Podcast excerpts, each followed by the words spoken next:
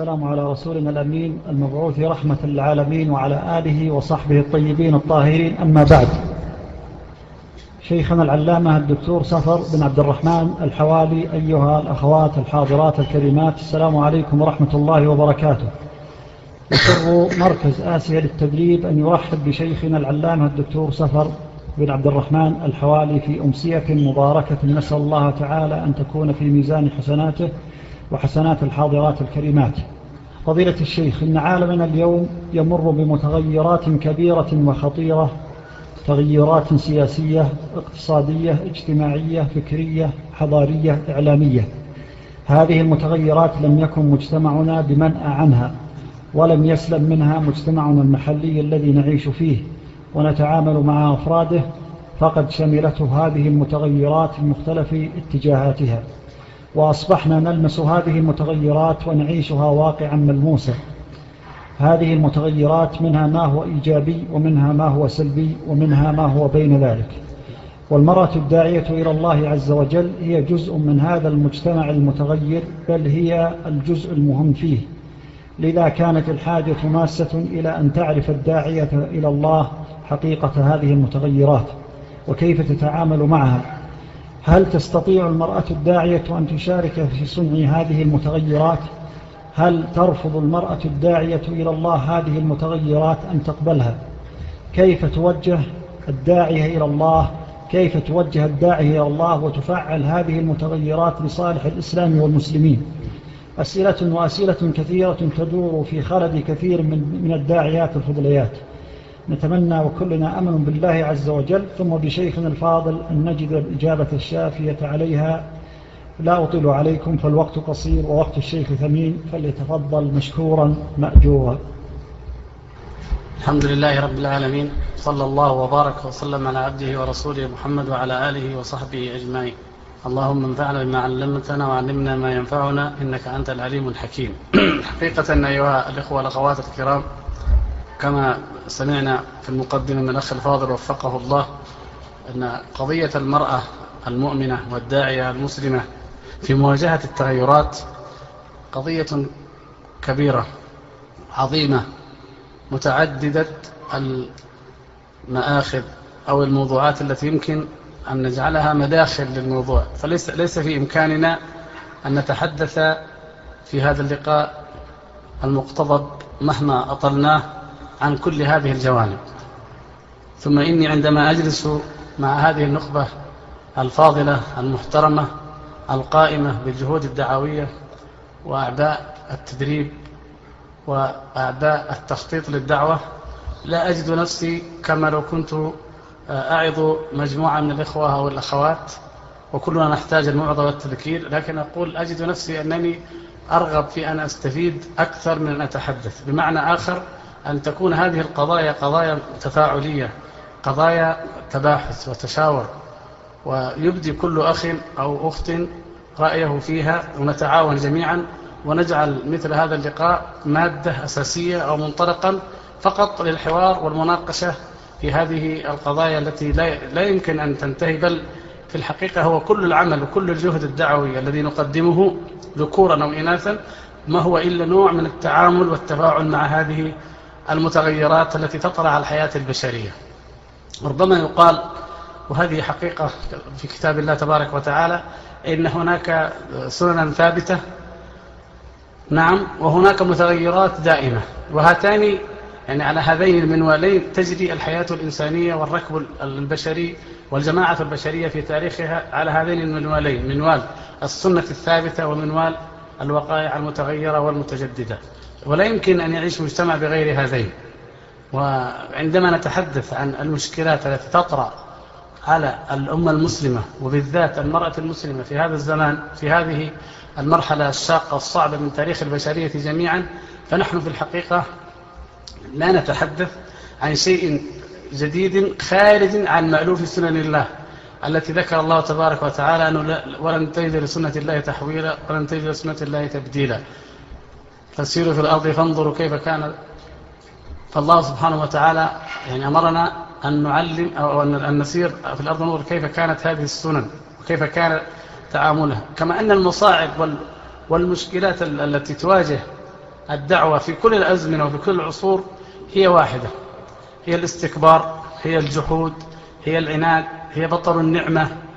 هي كما قال الله تبارك وتعالى ما يقال لك إلا ما قد قيل للرسل من قبلك كذلك كذب الذين من قبلهم وهمت كل أمة برسولها ليأخذ يعني كل كل كل مشكلة نراها نحن في واقعنا الدعوي فينبغي أن نضع في اعتبارنا أنها قديمة.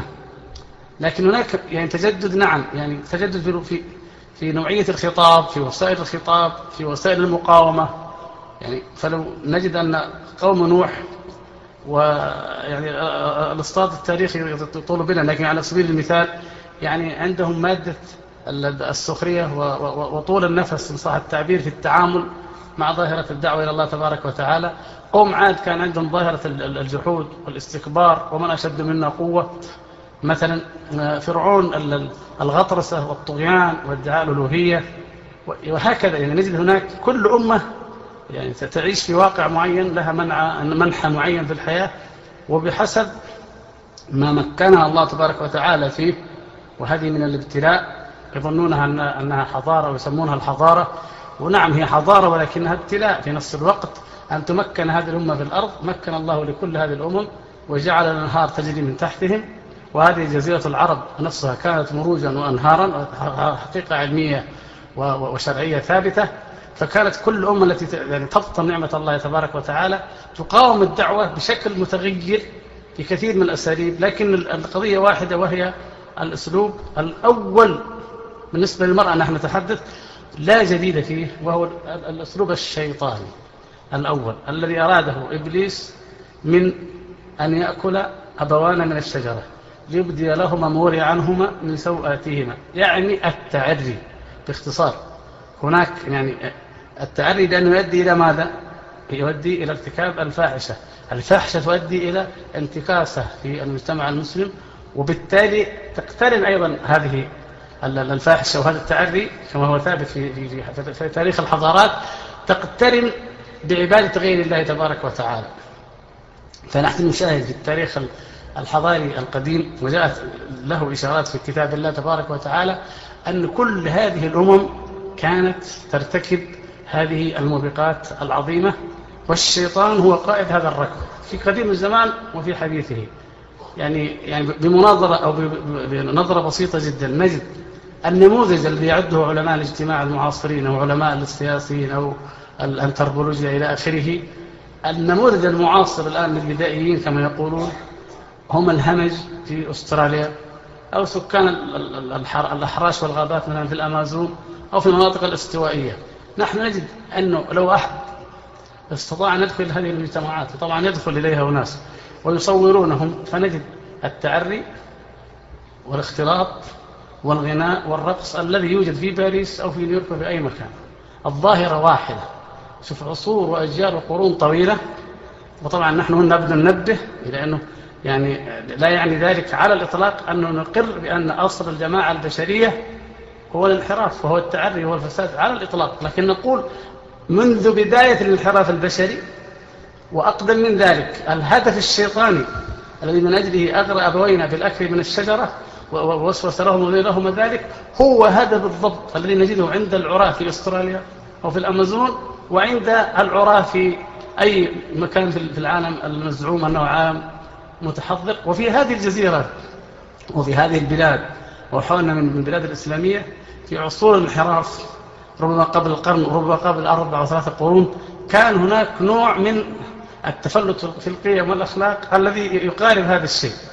إذا ليست القضية قضية تطور وحضارة كما يدعي البعض وكما يلبس البعض القضية هي قضية انحطاط وانحراف فعندما نجد أن هذه المتغيرات التي يراد أن تفرض على العالم وعلى الأمة الإسلامية وتدف إليها يعني أو, أو تضغط ضغطا وتدفع بقوة دفعا إليها لتسير فيها المرأة المسلمة فهي لا تتقدم كما يزعمون بل هي في الحقيقة تنزل وتهبط إلى الهاوية مهما سموها تقدما فهي هاوية. وفي النهاية يجد الإنسان نفسه أمام المنظر القديم الذي حدث عندما أكل أبوانا من الشجرة ويجد نفسه أمام المنظر القديم الذي الذي لا تزال بقاياها الآن في هذه المناطق القديمة. إذا يعني عندنا ثبات واضح في مسألة المتغيرات وهذه مهمة جدا عندما نتعامل مع المتغيرات لأن ثبات السنن الربانية وثبات الأعداء على على هذا المنهج الشيطاني ومعرفتنا للقيادة الشيطانية لهذا لهذا ركب الحضارة والغواية البشرية توفر علينا جهدا هائلا جدا وتعيننا على فهم المتغيرات مهما تطورت. بطبيعة الحال المتغيرات التي نعيشها في ظرفنا الحالي متغيرات كبيرة جدا بلا ريب. يعني على سبيل المثال كان يقال قبل نهاية القرن العشرين يعني قبل خمس سنوات تقريبا كان يقال إن أن العالم البشري حقق في الخمسين سنة النصف الثاني من هذا القرن من المتغيرات وطلع عليه من التغيرات الحضارية في كثير من المجالات حقق ما يعادل الخمسة آلاف سنة. طبعا ليش يقولوا خمسة آلاف سنة؟ طبعا هذه من أيضا من الأخطاء الكبرى في تاريخ علم الاجتماع وغيره. يعتقدون أنه خمسة آلاف سنة عندما عرفت الكتابة وارتقى الإنسان من الأصول الحجرية إلى أصول الكتابة في طبعا منطقة الشرق الأوسط بلادنا العربية الإسلامية دي هي بداية الحضارة. طبعا نحن نعتقد غير ذلك أنه النبوة والنور والوحي منذ آدم عليه السلام. كان آدم عليه السلام نبيا مكلما وعلم أبنائه التوحيد وبقيت عشرة أجيال وعشرة قرون على التوحيد الحمد لله. ثم وقع الشرك في قوم نوح كما نعلم جميعا. لكن المقصود هو أنه فعلا الخمس آلاف سنة بالنظرة المادية للتغيرات الحضارية يعني يمكن يقال مع نوع من التجاوز عن حضارات لا نعلمها وعن أمم يعني كما قال الله تعالى وكذب الذين من قبل وما بلغوا معشار ما آتيناهم. يعني هناك حضارات لكن في في في الجملة في طريقة الحياة في التواصل الذي نراه الآن عن طريق يعني مثلا الإنترنت وسائل الاتصال عن طريق الطيران ما أشبه ذلك. يمكن أن يقال بالفعل أن الخمسين سنة هذه تختزل أمامك خمسة آلاف سنة. ليست هذه المشكلة. لمقدمة ليش؟ لمشكلتنا الآن. المشكلة أنه الخمس السنوات التي بعدها تختزل الخمسين سنة. ونخشى بعدين يأتي يصبح يصبح عام واحد أو خمسة أشهر ربما تختزل لنا التاريخ كله. بمعنى أن المتغيرات أكبر بكثير جدا من يعني حجم أحيانا ما يمكن أن يتخيله بعضهم. يعني نقول هذا لأنه نعرف أن الأخ الذي يعمل بالدعوة إلى الله في نطاق الحي أو الأسرة والمجتمع مهما كان باذلا من جهده فعليه الآن أن يعتبر أنه يجب عليه بأي شكل وعلينا جميعا طبعا هذا الواجب أن نبحث بأي شكل لتصبح دعوتنا عالمية لنفيد من هذا. وأنا أشكر إخوة وفقهم الله على الموقع موقع آسيا الذي يعني تشرفت الليلة برؤيته جزاهم الله خيرا عليه. بالفعل عالمية الدعوة هي من أهم ما ينبغي أن نتخذ في سبيل مواجهة المتغيرات الكبيرة التي طرأت على هذه الأمة. هناك أيضا يعني جانب آخر أنه ربما يعني النفس البشرية الإيمان قد يضعف عندما يجد هذا الحجم الهائل في التغير ويظن أن المقابل له ضعيف. يعني أضرب لكم أمثلة. كان هناك بعض المجلات العربية. في جيلنا ونحن في المرحلة الكلية والثانوي كانت مجلة العربي أشهر شيء. يشتريها تشتري الطبقة المثقفة أو يعني نوع من فيها نوع من المواكبة للعصر إما بعلمنا أو بغير ذلك. الشاهد تقريبا بين عدد وآخر تأتي في كل عدد استطلاع عن بلد فيأتيك دائما صورة امرأة محجبة تلبس اللباس القديم فليكن في الجزائر في موريتانيا في مصر في الكويت في قطر مثلا وبجانبها يعني امرأة متبرجة أو فتاة متبرجة ويقال الجيل القديم والجيل الجديد. وتقريبا ظاهرة متكررة جدا يعني كانت تتكرر على أساس المبدأ الذي كان يسود في, في العالم العربي والإسلامي مع الأسف حتمية التغيير. الذي نحن نحن يجب أن يعني نضرب هذا الصنم بقوة على أم رأسه. حتمية التغيير وحتمية الاندماج وحتمية الذوبان في الغرب وحتمية يعني كما يعني يتخيلون يعني العولمة. أي حتمية من الحتميات هذه يجب أن نتأمل بميزان الكتاب والسنة وكيف نواجه ما يصوره حتمية يكفينا الآن يكفينا لكي نرد على هذه الحتمية أن نأتي بالصورة مقابل الصورة. فهناك الآن مجلات ومواقع وباحثون وفي صحافة غربية وإعلام غربي يضرب لك مثلا الآن بالجيل القديم والجيل الجديد وخاصة في مصر مثلا في تركيا. الأم هي المتبرجة الآن الآن في هذه السنة يعني في السنوات. الأم هي المتبرجة والبنت هي المحجبة. ولم قد تكون تكون بعامية أو شبه متعلمة أما البنت فهي شهادة عليا. إذا نحن نقول الحتمية الآن يعني أثبتت العكس. على على على نفس النظرة نفس الصورة. يعني من محاربة الإسلام أن في بعض البلاد كتونس مثلا الصورة في الشارع هذه الصورة في الشارع. كوني مثل هؤلاء وبلباس غربي فاضح ولا تكوني مثل هؤلاء وباللباس البلد التقليدي للبلد والصورة إعلان في الشوارع والأماكن العامة وغيرها كثير. يعني سياسة تجريف المنابع قد يعلنها بلد عن بلد وقد يعني تخفى بعض المناطق لكن المهم بالرغم من ذلك هناك مقاومة قوية جدا لهذا والله الحمد والشكر. في بلادنا هذه الحمد لله المملكة واليمن بشكل أخص ما شاء الله نجد العكس. يعني نحن نجد الحمد لله أنه الدعوة وصمود الدعوة وقوة الدعوة يعني تشبه المعجزات حقيقة. والذي يعني قد يجادل في هذا يعني ينبغي أن نعلم أن المعجزة في في علم الاجتماع أو في الحياة العامة هي يعني لا تقل عنها في المجال الحسي الذي نعترف نحن جميعا به. يعني عندما يواجه يعني سباح ماهر أو نقول بزورق صغير أو مركب صغير عندما يواجه تيارات المحيط ويتغلب عليها هذا يعتبر معجزة. يعني نحن نتكلم عن عن فعلا عن أمة في, في هذا المحيط الهائج المائج ولكن والحمد لله تواجه وتقاوم بكل ضراوة وتستأنس في هذه المقاومة بما تجده من الرجوع إلى الله تبارك وتعالى في أقدم المجتمعات التي مورس عليها الضغط الغربي والاحتكاك بالغرب كما حدث في تركيا وفي مصر وفي أفغانستان وفي بعض الدول التي أصبحت الآن الظاهرة الإسلامية فيها ظاهرة إيجابية مضادة. يعني الآن المظاهرات في تركيا الآن لا تخرج أو المطالبات بأي شكل من أشكال التعبير عنها هي لا تخرج إلا لتطالب بعودة الحجاب وبإقرار الحجاب.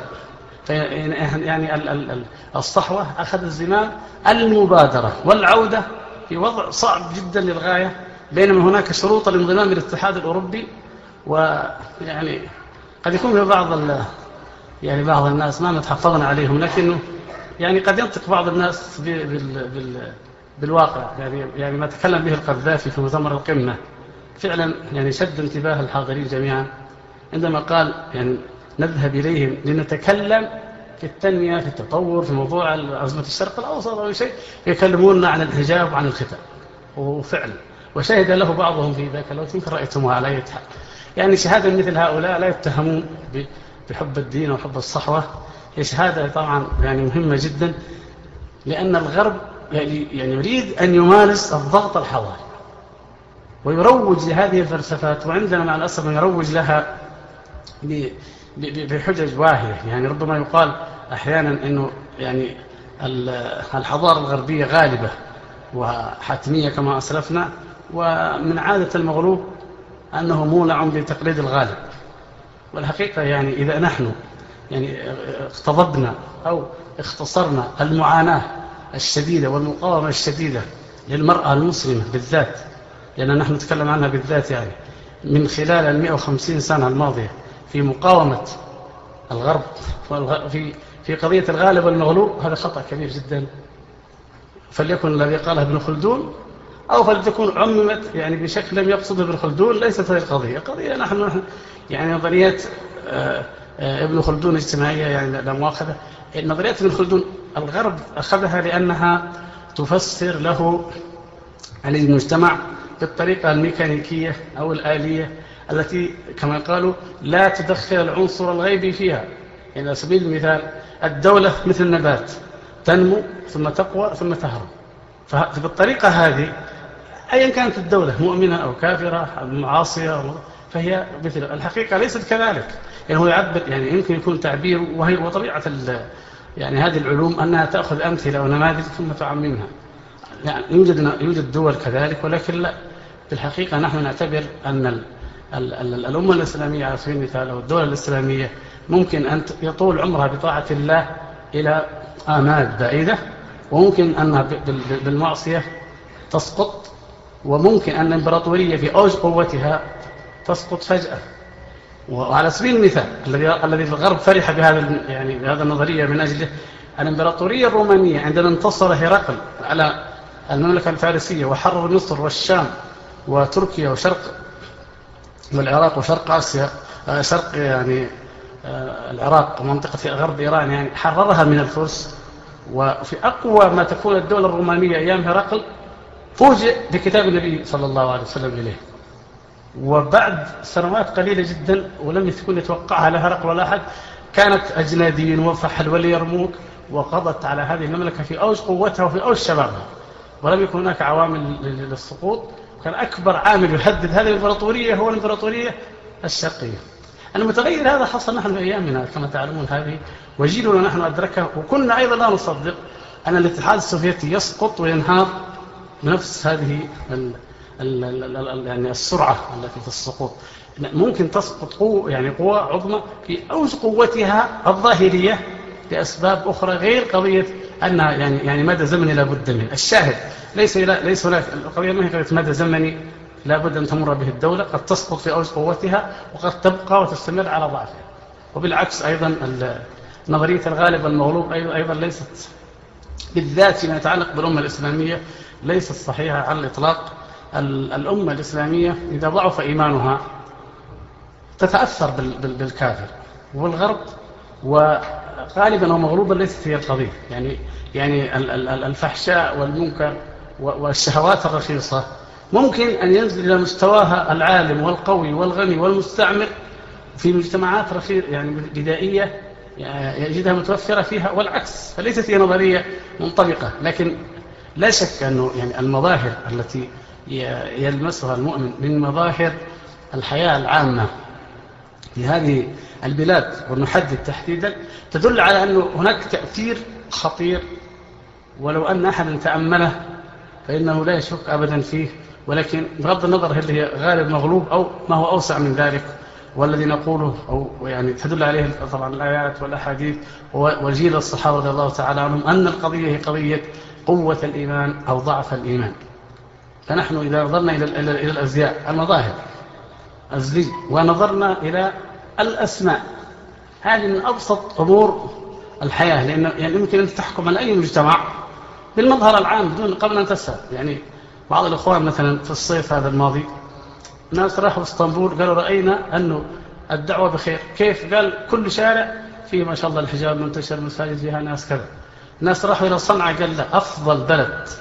وأفضل أنظف عاصمة من من التبرج هي صنعاء لأنني يقول بعض الإخوة دخلت وبقيت فيها ما بقيت وخرجت لم أرى وجه امرأة على الإطلاق. مثلا يعني لاحظ الحكم وهذا الحكم صحيح يعني إلى حد كبير يعني أنه فعلا مظهر المجتمع العام. طبعا لا يوجد صنعاء من يلزم لا هيئة ولا غير هيئة بالغطاء لكن كمثال يعني قوي على أنه يدلك على عمق القيم الإيمانية في, في أي بلد أو تدهورها فيجيك بعض الأخوان يقول لي أروح البلد الفلاني وجدت فيه من التفسق والتحلل ما لا يصدق. نحن نقول المظهر الخارجي الإيمان الخارجي لا نقول القشور ولا نقول الشكليات بالعكس نقول الإيمان الظاهر.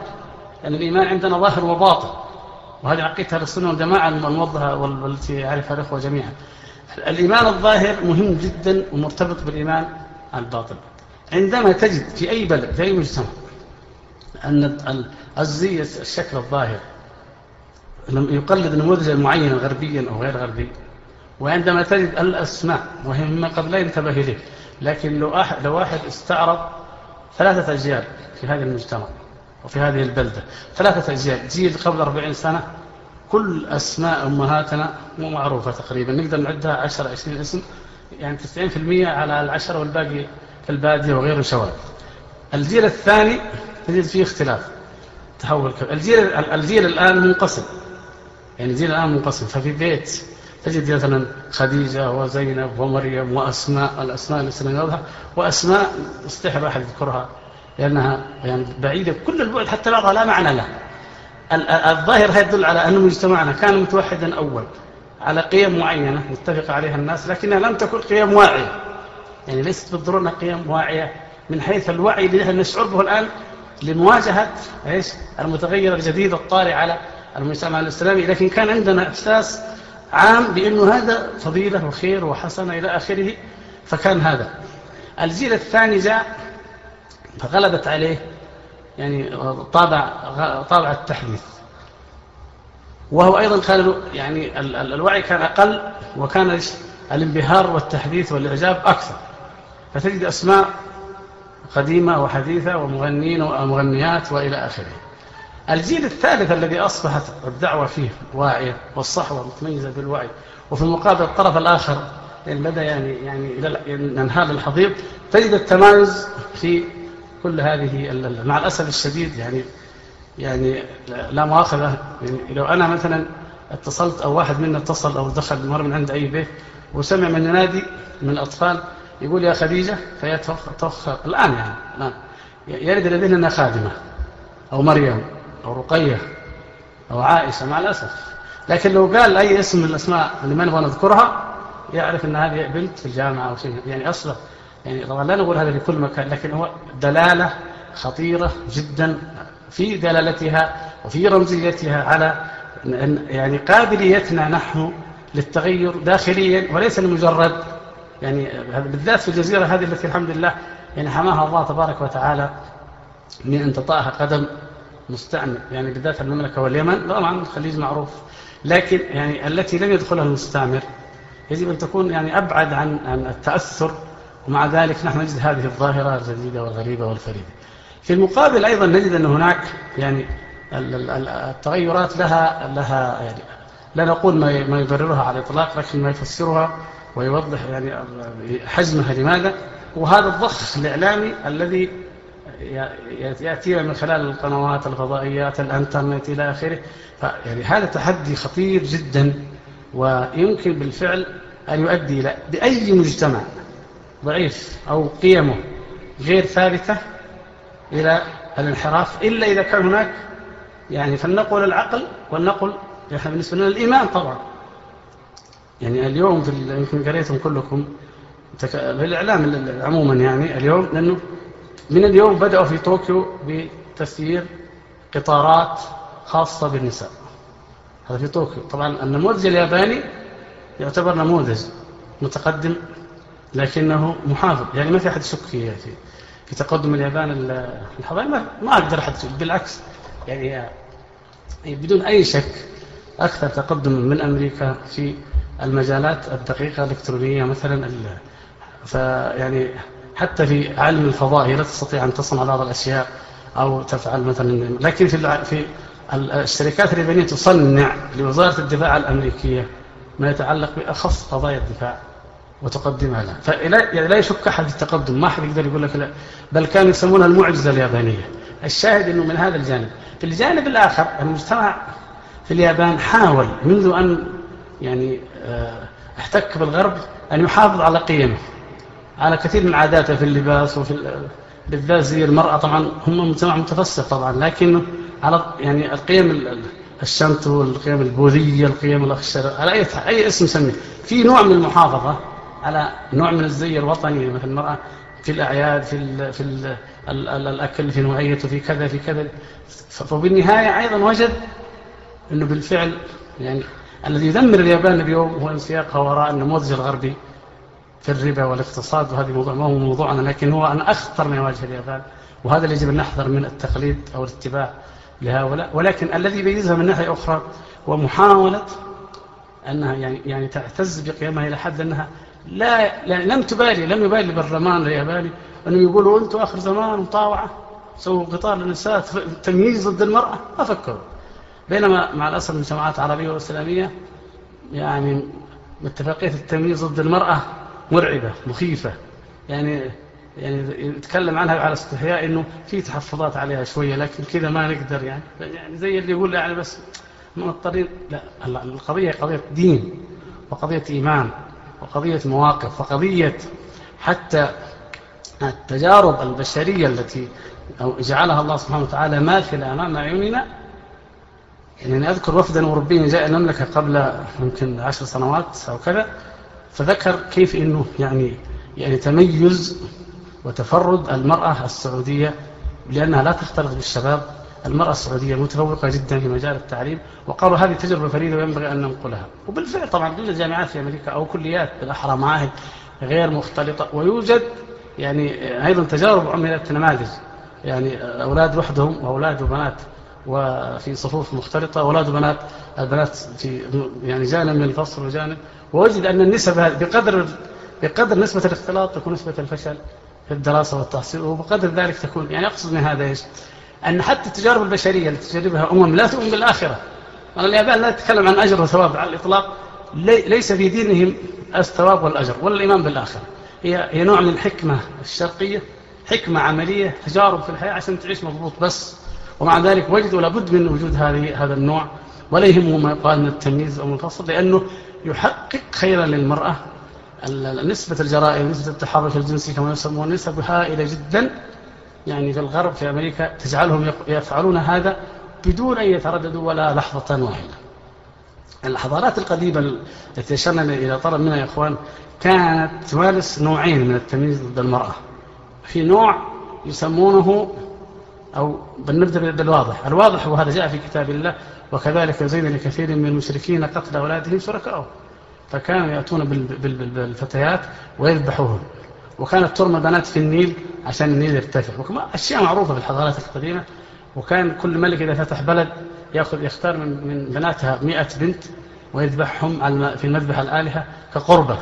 هذا النوع. النوع الثاني اللي هم بالعبارات دائما يجيبوها لنا يروجوا عندنا الجنس المقدس. الجنس طبعا يعني الفاحشة المقدسة. أو البغاء المقدسة الفاحشة المقدسة كانت عبارة عن إيش؟ إنه هؤلاء المجموعة من النساء يوضعن في المعابد والعياذ بالله يمارسن البغاء المقدس الذي يسمونه مقدسا. ويقولون إن الله يعني يتقبله لأنه من الدين وهذا الذي أبطله الله. قل إن الله لا يأمر بالفحشاء أتقولون على الله ما لا تعلمون؟ هذا باطل لم يأتي في أي آية. لكن على أي حال ضعف الوازع الديني في العصر الحاضر لم تعد هذه الطقوس يعني يعني تمارس على أنها طقوس آه، تعبد وتقرب. نزع الجانب الديني منها لكنها تزال تمارس على أنها إيش؟ إنها البلد الذي يريد أن لا يتهم بالتمييز ضد المرأة فعليه أن يمارس هذه الطقوس بشكل من الأشكال ولكن تحت اسم الحضارة والأمم المتحدة وقرارات المجامع الدولية ويعني التطور والتطور إلى آخر ما أذكرت به البشرية. أنا آسف لأني يمكن أخذت أكثر من الوقت المحدد الذي يهمنا في, في, في الأخير أيها الإخوة والأخوات أن نقول يعني أنه رغم ثبات السنة الربانية ورغم ضغط المتغيرات الجديدة المؤثرة في المرأة والتي لا يمكن أن نأتي عليها في لقاء مثل هذا إلا أننا يمكننا أن نقول إن المقاومة موجودة. واستطاعت هذه الأمة أن تثبت من خلال الأخوات في فلسطين. أن المقاومة على في, في, في, في جبهة وفي رباط الأسرة والبيت والمجتمع وأن المقاومة في العراق أيضا أنها لا تقل تأثيرا عن المقاومة العسكرية التي تعتبر نوع من الخوارق ونوع من المعجزات. إذا, إذا عرفنا حجم دولة إسرائيل وقوتها وكيف يعني ما, ما مدى قوة من يقاومها وكذلك في, في العراق. لأن أنا أبشركم أنه الدعوة إلى الله في العراق تخطو خطوات يعني متميزة جدا. ومشجعة جدا ويوجد الآن من فضل الله تبارك وتعالى في هذه السنة أكثر من نصف مليون شاب وشابة في حلقات تحفيظ القرآن لأول مرة في تاريخ العراق وبإذن الله في خلال سنتين سيكون هؤلاء حفاظا وهم يحفظون أو المحفظون والمحفظات متطوعون. وهذا أيضا ظاهرة جديدة. يعني وبعض بعض المناطق في العراق أخذوا من هذه البلاد الطيبة ومثل هذا المركز المبارك الذي انشأتم الله يحفظكم أيضا كلها يعني نماذج قدوات هناك. فأخذوا قضية تقسيم الأحياء وقضية آه، ترتيب الحلقات. يعني استفادوا من التجربة في اليمن وفي العراق وبعض الدول فحصلت مثل هذه المهم أنه المقاومة بكلا أنواعها ضد هذا العدو الذي يريد أن يجردنا من ديننا ومن إيماننا وحتى من ثرواتنا وحتى من أغلى من ذلك اللي من أخلاقنا. لا شك يعني أخلاقنا وإيماننا أغلى من كل شيء. ولكن مع ذلك يريد أن يجردنا من كل شيء يعني المقاومة ممكنة بل واجبة بل متحققة النتائج بشرط وجود البيت المسلم وجود المرأة المسلمة القوية وجود الدعوة إلى الله. آه، لا يريد أن يعني أيضا أن نطيل بمسألة يعني كيف يمكن أن نقاوم كل الإخوة والأخوات يدركون هذا بل يعيشونه ويعينونه أنا أريد يعني فقط أن أعظ نفسي وإخواني موعظة لعل الله سبحانه وتعالى ينفعنا بها. حتى أترك لكم ولكم مجال وهو ما يتعلق التعامل فيما بيننا. وليعذرني الإخوة أنا ممكن أكرر هذا الكلام في عدة أماكن ولعل إن شاء الله التكرار يعني ليس من باب الإملال لكن لأهمية أن تكون العلاقة فيما بيننا جميعا.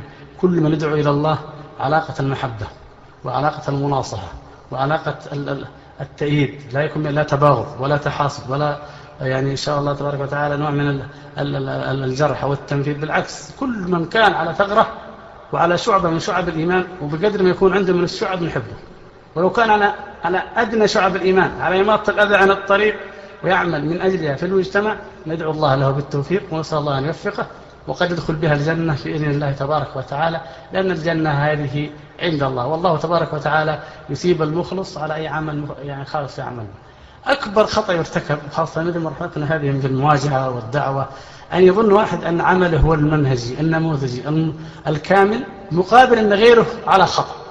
لكن كونك تعتقد أن ما تعمله كاملا وصوابا وطبعا لولا هذا الاعتقاد ما أحد منا يعمل. لولا أنك مقتنع ما تعمل ما تعمل أي شيء. لكنك يعني ضع في حسابك أن هناك مثلك أو أفضل منك وأقل شيء أن نضع في حسابنا أن غيرنا, أن غيرنا ليس معيار نجاحه أو إيمانه أو قبوله عند الله. هو معيار معياري أو عملي أنا. إنما المعيار ما عند الله تبارك وتعالى من التوبة والإخلاص وصواب العمل. نسأل الله أن يوفقنا وإياكم لذلك إنه على كل شيء قدير. وكرر الاعتبار نترك المجال لما تدرون به. وفقكم الله. من آراء واقتراحات ومناقشات وسوف أحملها كلها معي لي يعني ننفع بها. غيركم وفقكم الله. جزا الله فضيلة الشيخ. خير الجزاء على هذا هذه الإبانة والتوضيح الطيب المبارك. وهناك أسئلة نقدم الأسئلة التي تختص في الموضوع. وإن بقي من الوقت بقية فلعلنا نتطرق الأسئلة الأخرى هذا سؤال فضيلة الشيخ. يقول هناك بعض الأخوات بدأنا يتأثرن بما يطرح في وسائل الإعلام المرئية والمقروءة من ضرورة التغيير ومواكبة الواقع. وإن الناس سينفرون من الدين إذا لم نسهل ونيسر عليهم وإن التيسير على الناس من مقاصد الشريعة فما تعليق فضيلتكم على هذا؟ إخوات دائما نضع كقاعدة وفقر الله وإياكم. هناك حلال واضح أو حق واضح فتلقانا نادر ما نختلف فيه الحمد لله واضح.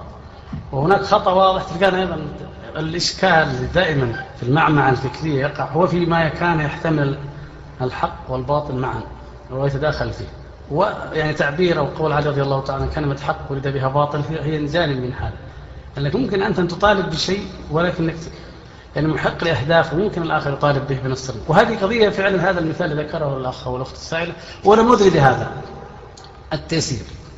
يعني التيسير ممكن أن يقوله المربي الفاضل الأخت المربية الداعية الحكيمة التي تريد أن ترتقي بإيمان الأخوات. وترفعهن إلى درجة الإحسان بإذن الله تعالى والتقوى واليقين فتأتي بالتيسير كما فعل النبي صلى الله عليه وسلم ليعلم اليهود أن في ديننا فسحة. لكي لا نصدم مشاعر وناس جدد في الدعوة إلى الله فيعني نثقلهم بالأنواع ما نقول تكاليف كما بل هي عبادات لكن المهم أنه فينفرون مثلا. ولكن مع الأسف ممكن نستخدم هذا وخاصة في مرحلة الهزيمة. شوفوا يا أخوان أي فكر ينشأ بعد مرحلة هزيمة فكر فيه استأن فيه لا ترى لأنه الهزيمة تولد داخليا إشكال. يقول العلماء يعني يعني مثلا درست هذه الظاهرة بجميع كتب الرجال تقريبا وكذا كيف نشأ الإرجاء؟ كيف ينشأ واحد يقول لك إيش؟ العمل ما هو من الإيمان. معقول؟ النبي صلى الله عليه وسلم يعني لم يكن في عهد النبي صلى الله عليه وسلم واحد ما يعمل أبدا أبدا. يعني حتى المنافقين كانوا يجاهدون. يخرجون مع الجهاد وهم منافقين ما هم مسلمين. كفروا بعد إيمانهم لكن مع ذلك العمل ما يمكن. لكن قال لك إيش؟ ظهر النفاق بعد هزيمة من الأشعث. ظهر الإرجاء عفوا بعد هزيمة ابن أشعث مجموعة كبيرة جدا من العلماء حتى قيل لم لم يتخلف عنه أحد. قاموا من ظلم الحجاج فخرجوا وقاتلوا أكثر المعركة معه ضد الدولة الأموية ضد الحجاج. فهزموا. فلما هزموا ما يقول لك لا لا العمل هو من الإيمان. المفروض ما نقاوم ولا نتحرك ولا نغير. وبدأت فلسفة الفلسفة هذه وبعض الأحاديث التي جاءت. قال أنس رضي الله تعالى عنه من أعظم يحتجون به قاله أنس في مواجهة الحجاج. عندما شكوا إليه الحجاج في صحيح البخاري قال لا يأتي عليكم زمان إلا والذي بعده شر منه. سمعتم من نبيكم صلى الله عليه وسلم. الكلام هذا لما لو, لو كان لما قالوا أنس رضي الله تعالى عنه لم يعملوا ما فعلوا قالوا إذا نصبر على ليش؟ على الفتنة. لازم القول هذا أن تصبر تقاوم بقدر ما تستطيع. المقاومة الدعوية الإيمانية حتى يعني يستريح بر ويستراح من فاجر كما جاء في لا هم قاوموا مقاومة غير يعني غير متوقعة وغير مطلوبة غير تعدت المقاومة. فنتج عن ذلك هزيمة على يد الحجاج وجنوده.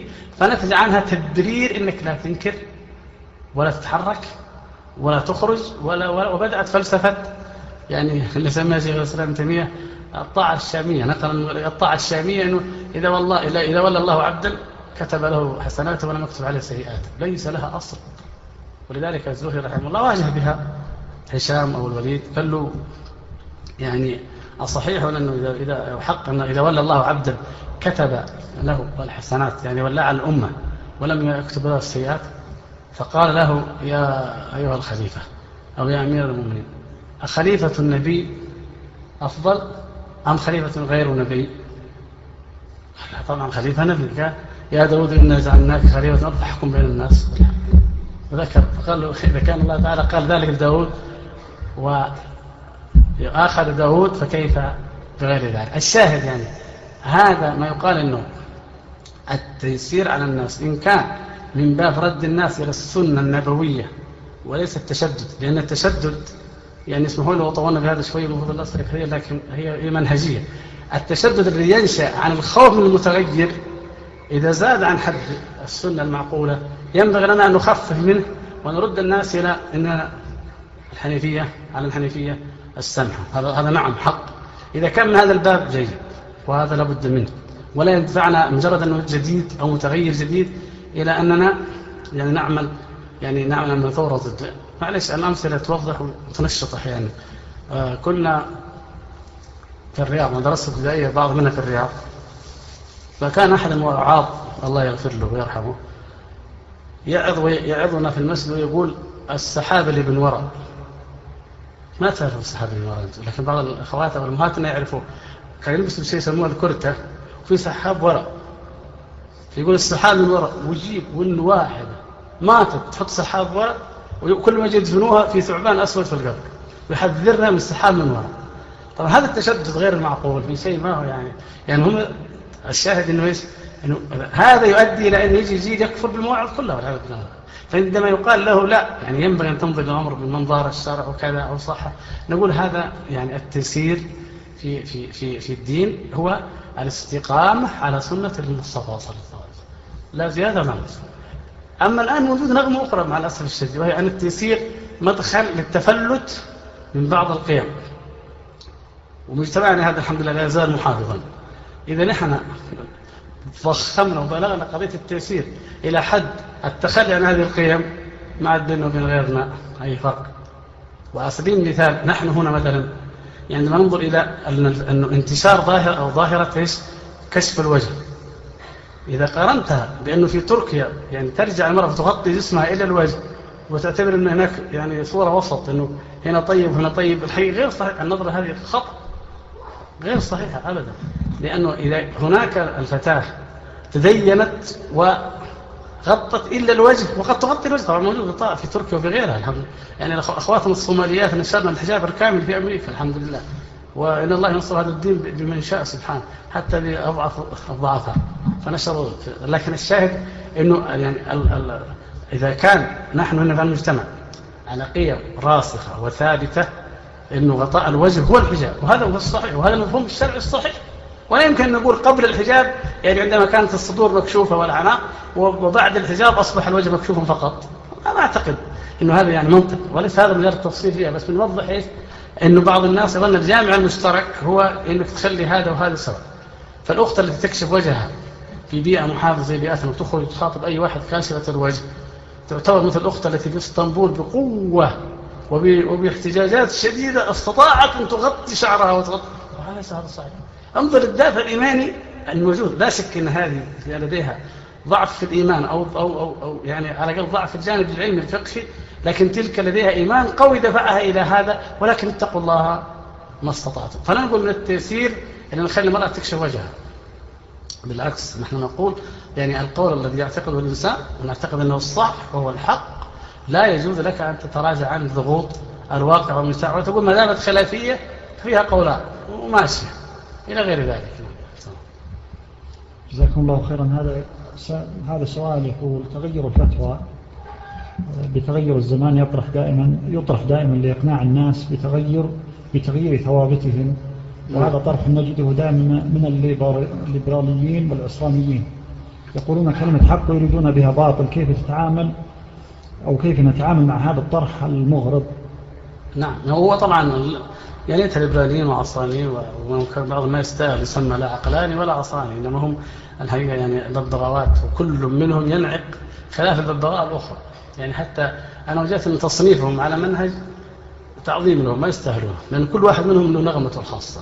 لكن المشكلة هي أنه يعني يصدر من بعض الفئات الدعوية بل فلنقل يؤثر في فئات دعوية مثل هذا أنه تغير الفتوى طبعا تغير الفتوى بتغير الزمان بتغير المكان. هذا معناه أنه المجتهد الذي بنى أحكامه بناء بناء أحكامه على نظرة على مناط مناط. المناط طبعا هو يعني متعلق الحكم فأنت درست ظاهرة معينة وبنيت عليها الحكم عليها من خلال هذا المناط. إذا تغير المناط تتغير فتواك بالنسبة للمجتهد.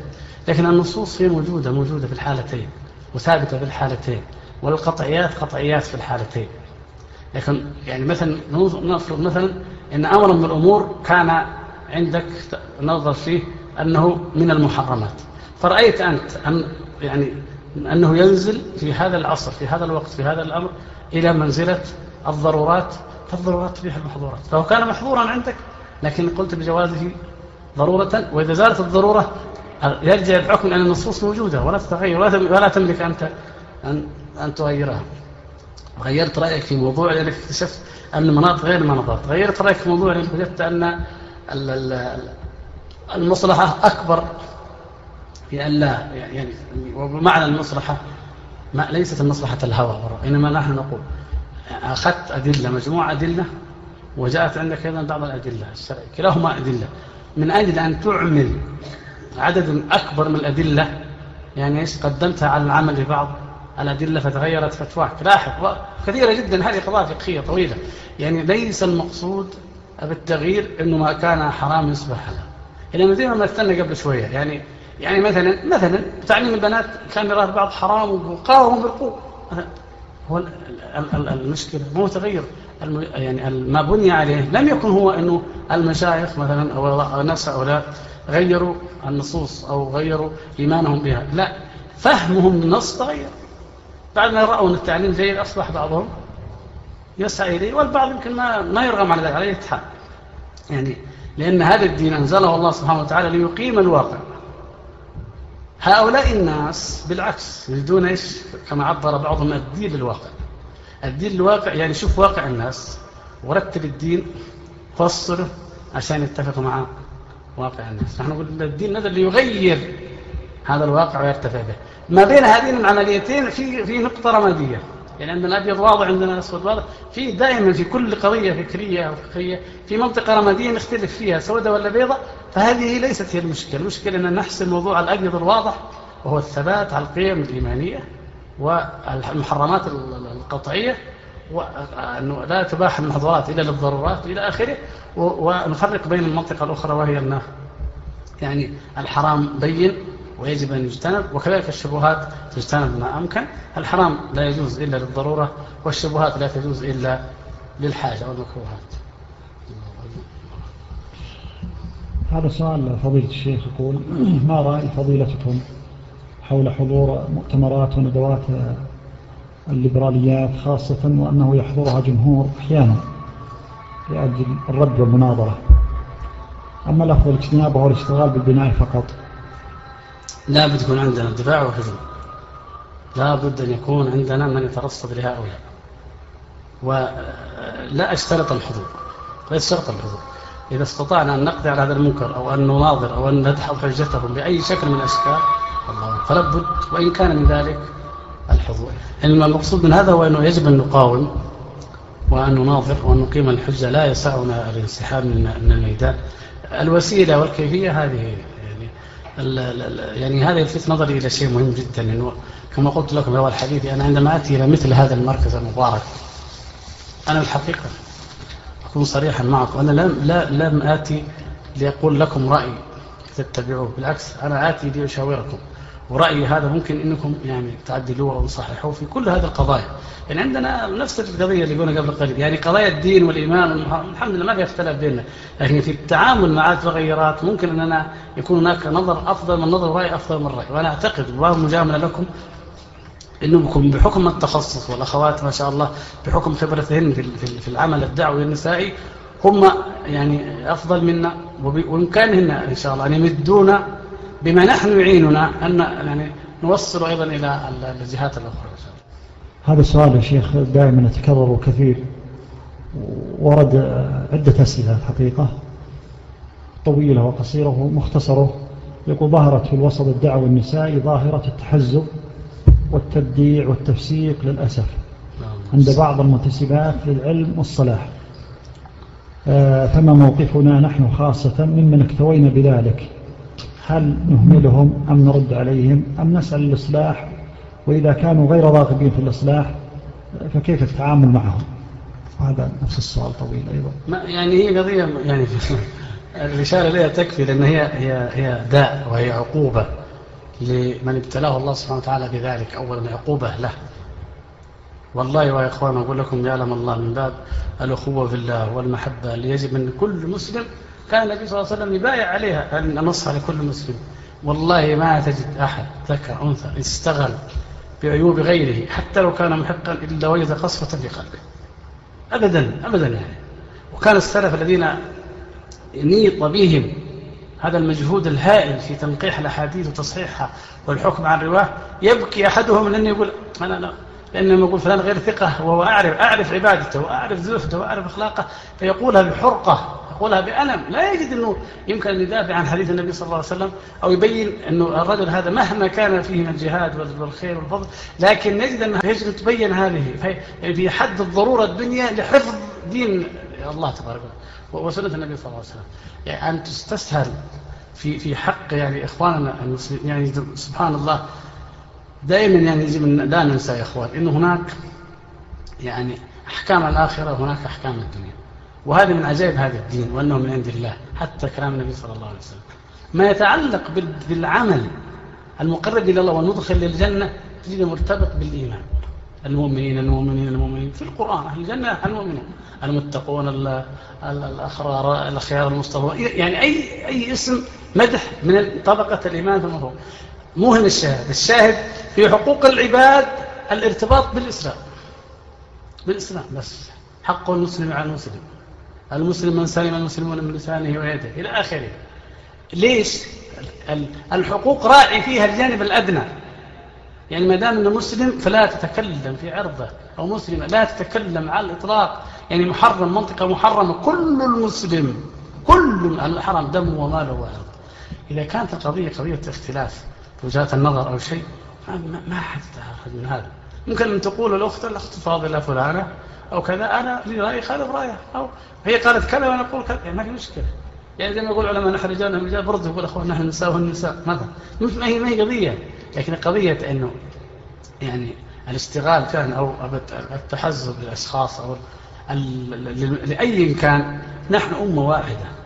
والعدو يتكتل علينا. العالم يتكتل علينا كما ترون.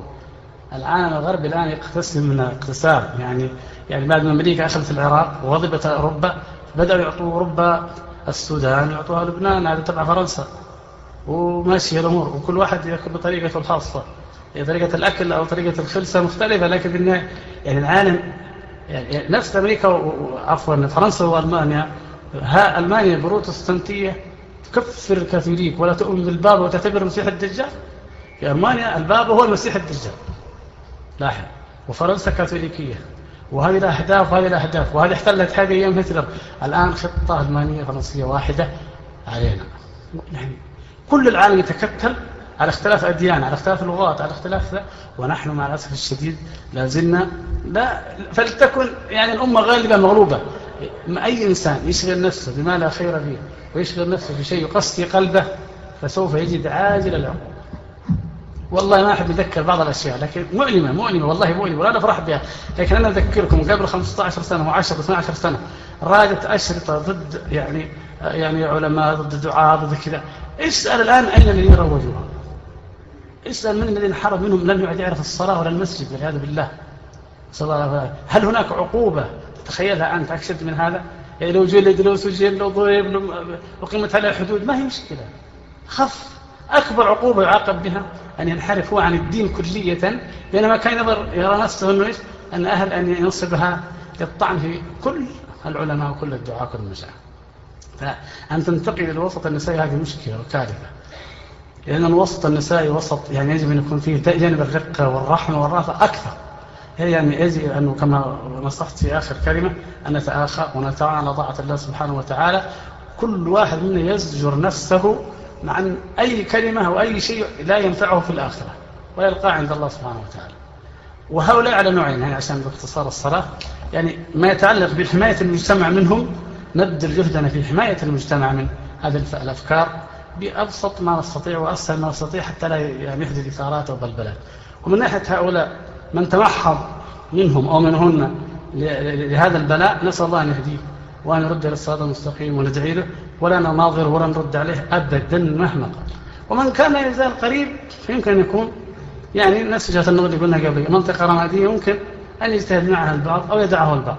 لكن أهم شيء حماية الزيارة المؤمنة وحماية مسيرة الصحوة المباركة هذه من هذا النوع الذين أقل ما يقال أنه كل من يتكلم فيه فهو من باب قول الله تبارك وتعالى. يعني هذا الحد الأدنى أن تقول عن أي واحد تلك أمة قد خلت لها كسبت. ولكم ما كسبتم ولا تسألون عما كانوا يعملون. ولو كان الله تعالى يسألني عن عيوب الناس كانت كارثة مشكلة. المشكلة نحن عيوبنا التي سيسألني عنها يعني لا أجعلها هي نصب عيني وهي اهتمامي. وثقوا يا إخوان أن أي عامل لله بإخلاص أنه لا يمكن أن يشغل نفسه بغير عيوبه وبغير ذنوبه.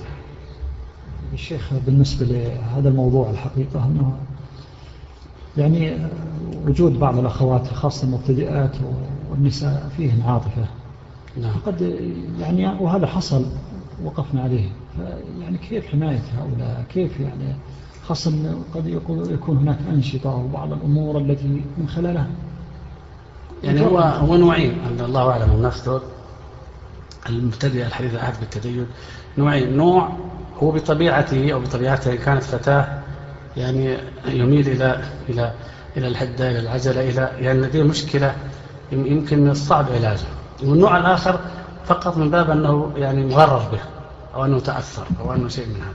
فيعني نحن إذا قدرنا نعمل مع هذا ومع هذا بما يناسبه وعلى كل حال يعني الأدواء سواء كانت أدواء في البدن أو في المجتمع لابد أن نعرف أنه قد قد يعني يذهب المرض لكن يبقى في الجرح ندبة.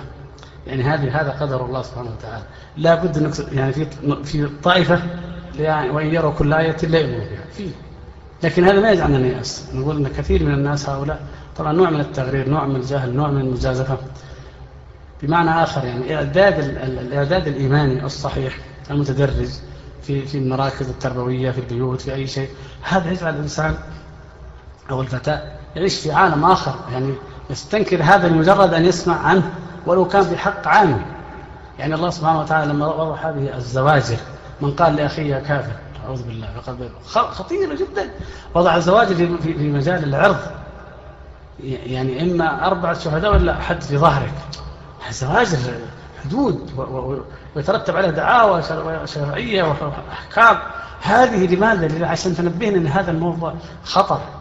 أما الكلام عن ظاهرة عامة إذا يتكلم أحد عن البدع بالعكس حياهم الله وعلى عين والرأس نحن دائما نوصي الأمة بالسنة ونهاها عن البدعة. لكن أنت أنت تبدأ تبدع فلان بغير حق أو تكفره أو تضل أو تفسقه يعني هو هو هذا عين التحزب يعني مهما بعض الضال. طبعا كل كلامنا هو في دائرة أنهم دعاة. لكن أنا أؤكد لكم أن هناك يعني روافد أخرى لا لا تدخل في مجال الدعوة. وهذه الروافد أنا ما أحب أن أتحدث عنها كثيرا. خلينا ننتقل من الرافد المحلي لها إلى الرافد الخارجي. وأضرب لكم مثال فقط عشان ضيق الوقت اعتمد في الخارجية الأمريكية. ما سموهم النيو سلفزم السلفية الجديدة والسلفية بريئة منها. اعتمد في الخارجية الأمريكية بوثائق هذا المنهج وعمم وعمم على القذافي وعمم على في الجزائر. وبعض الدول العربية وتقبلته وأصبحت تحاول أن تعين الأئمة في هذا ممن يعتقد هذا هذا الفكر الذي يقول لك أمريكا أهل الكتاب وطالبان مشركين. أمريكا أهل الكتاب والقائمين في العراق ما فيهم خير. وانزل بعد انزل انزل انت تصل عادي للدعاء إلى الله هذا الفكر يعني معتمد غربيا على أساس أنه يعني مطية يمتطيها أعداء الله سبحانه وتعالى. ويكفي الإشارة. جزاكم الله خير. يقول كيف تفسر فضيلة الشيخ كيف تفسر اختلاف الفتوى من قبل بعض المشايخ؟ ما كان ممنوعا في السابق أصبح مباحا عند نفس الشيخ. يعني لعل إشارة الإشارة تقدمت إلى هذا. إذا كان هذا من تغير المناطات فلا إشكال. وإن كان من تأثر بضغوط ال ال ال الواقع يعني التي لا تعني التأثر بالضرورات والحاجيات وإنما تعني التأثر بالناتج عن ضعف الإيمان وضعف المقاومة فهذا خطأ.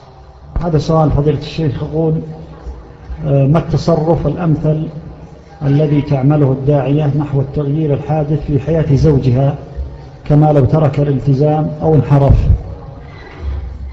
الحمد لله. والصلاة كل واحد كل بني آدم إلا من رحمه الله عرضة للانحراف. أما الذنوب فكلنا عرضة لا.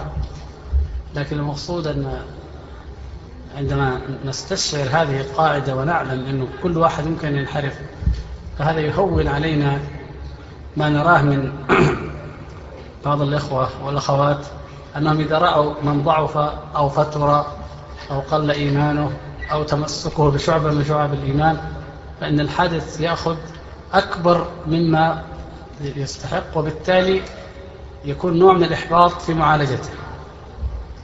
هناك يعني حوادث في عهد النبي صلى الله عليه وسلم تؤدي أو تؤكد ذلك. يعني حادثة الردة فندعها لكن بنتكلم مثلا عن شرب الخمر مثلا. أن يشرب الخمر من صاحب ويصحب رسول الله صلى الله عليه وسلم ثم يشهد له النبي صلى الله عليه وسلم بأنه يحب الله ورسوله. معنى ذلك أنه يجب علينا أن نراعي في هذا الزوج أو, أو أيا كان أخ أو أخت منحرفة منحرفة أو ضعفة أو فترة أن هل هذا الفتور لا يزال معه شعب أخرى من الإيمان وثوابت موجودة أو لا؟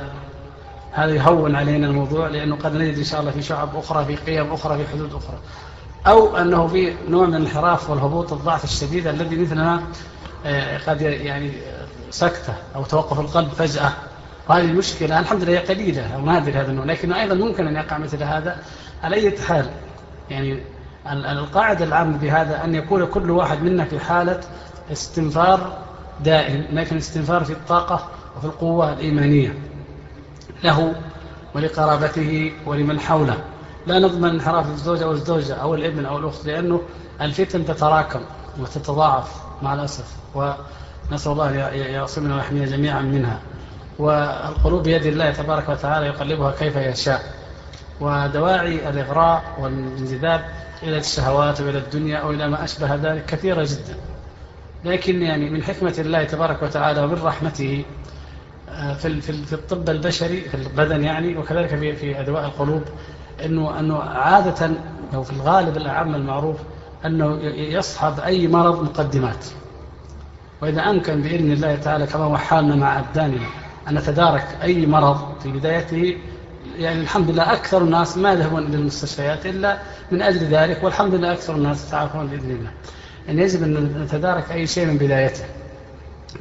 أيضا الإيمان قد يبدأ بنوع من التساهل في بعض المعاصي وقد يبدأ بنوع من يعني الشروع في بعض العلاقات مثلا المحرمة قد يبدأ في تهاون بعض الطاعات ثم ينتهي إلى غير ذلك. إذا نحن ضبطنا أو حاولنا نضع الحد الأدنى الذي إذا وصل المرض والانحراف يعني إليه أعلنا هذه الحالة من الاستنفار فالحمد لله.